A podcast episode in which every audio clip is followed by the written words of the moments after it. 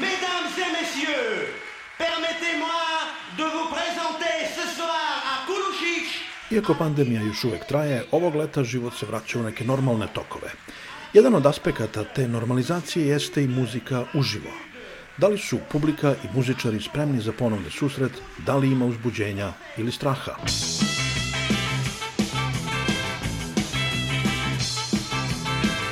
Gosti radio karantina su Jadranka Janković, PR za veliki broj koncerata i festivala u Srbiji, S jedne strane možda očekuješ sindrom da će ljudi jedva hteti posle godinu i po dana nemanja koncerata da pohrle i da budu tu, pogotovo da će imati, prepostavljam, tu neko rasterećeno što su to festivali na otvoreno.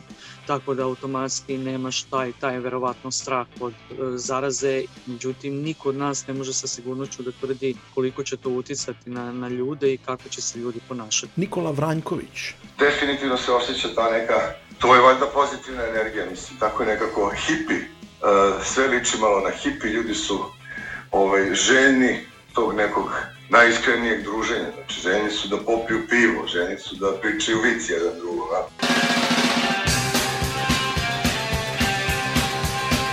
Aleksa Nedić i Veljko Milinković iz grupe Vizelj, zaboravili smo i to, ne samo to kako izgleda kad stojiš pred bendom, nego kako je to kad si među puno ljudi, kako je to kad si ono zajedno urlate i tada taj taj neki osjećaj, to će sada, i sada se to juri, ja mislim. U suštini, ako splasne frka oko zaraze, mnogo će se juriti taj osjećaj neki koji je falio i zato će i mnogo veća gužva biti na koncertima i mnogo će više ljudi da luduju. i Gorazd Čapovski, vođa legendarnog skopskog benda Mizar. Mislim, ne znam, ova pandemija na mene ništa nije uticala, nešto, to sam iskreno.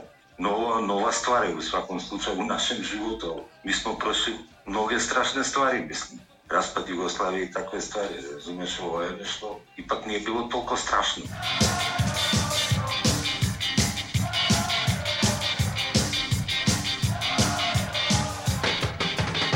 Rock muzika i pandemija. Radio Karantin, sreda 30. juni i duže pojedinačne verzije razgovora sa svakim od gostiju svake srede tokom jula.